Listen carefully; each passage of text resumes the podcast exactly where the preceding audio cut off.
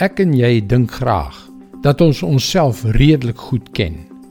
Ons glo dat ons teen hierdie tyd van ons lewens 'n redelike goeie begrip het van wie ons is, waar ons sterkpunte lê en wat ons swakhede is. Hallo, ek is Jockey Gouchee vir Bernie Diamond en welkom weer by Vars. Maar as ons eerlik is, sal ons moet erken dat ons onsself nie regtig so goed ken nie. Jy dink dalk alles gaan voor die wind en dat jy heeltemal suksesvol is in jou poging om 'n goeie mens te wees. Maar toe raak jy skielik die kluts kwyt. Iets tref jou van die skielkant af. Jy reageer sleg. Jy byt iemand se kop af en net daar beskadig jy 'n verhouding en val jy God. En al jou goeie bedoelings lê aan skerwe. Hoekom het ek dit nie sien kom nie? Hoekom het ek dit gedoen? Wat het ek gedink? Dit het ook met koning Dawid gebeur. Hy voel onrustig en besef dat hy God se wysheid nodig het. Psalm 139 vers 23 en 24. Deurgrond my o God, deurgrond my hart. Ondersoek my en sien tog my onrus raak.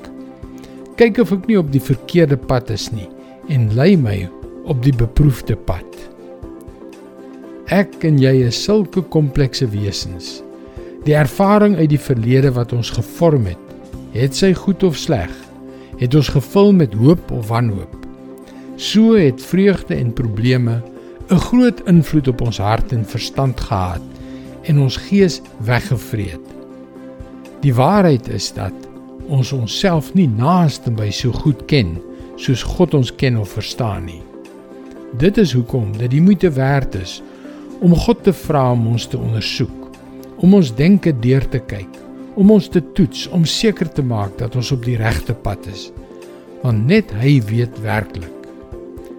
Dit is God se woord vars vir jou vandag. Wanneer sonde insluip, beroof dit ons van ons vrede en ons vreugde.